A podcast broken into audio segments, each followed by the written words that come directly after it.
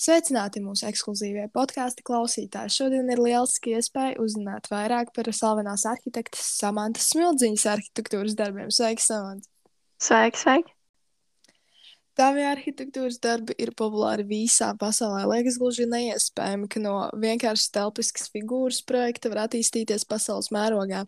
Viens no vislabāk un augstāk vērtētākiem darbiem tev ir māja starp klints lielajām, skaistajām, akmeņainajām blaknēm. Varbūt vari man kā iesācējam arī izstāstīt, kā es varētu konstruēt līdzīgu projektu.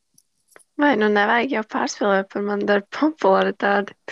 Uh, patiesībā šo projektu bija visgrūtāk realizēt, jo šī visa ēka atrodas starp divām klints plaknēm, kas zemes kustību dēļ var mainīt plakņu savstarpējo attālumu. Tāpēc bija mazliet jāatiet uz mūsu pamatiem, un pateicoties pirmajai axiomai, kas ir stereometrijas viens no pamatiem, mēs iegūstam spēcīgas šķautnes, kas palīdz noturēt mūsu mājokli.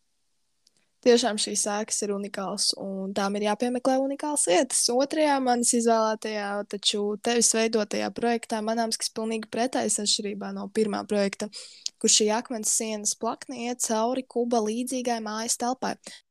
Pēc plakne sadala telpu uh, divās mazākās telpās, un uh, kāds ir tavs skatījums šī projekta pielietošanā? Nu, kā lai saka, es izvēlējos ar veiksmīgo roku, jo šis viss vēl ir tapšanas procesā.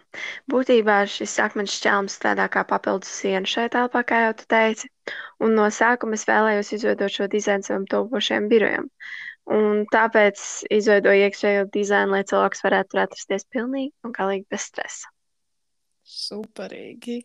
Uh, nu, varbūt turpmāk redzēsim projektu ar akmens plaknes šķēlumu kāpņu vietā. Neliela viela pārdomām, teiksim tā.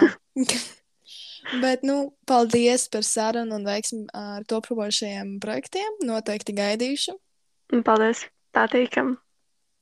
Un, mīļie klausītāji, paldies, ka noklausījāties šīs dienas podkāstu. Un kā jau parasti ar jums bija Nikola Barone, līdz nākamajai nedēļai. Atā!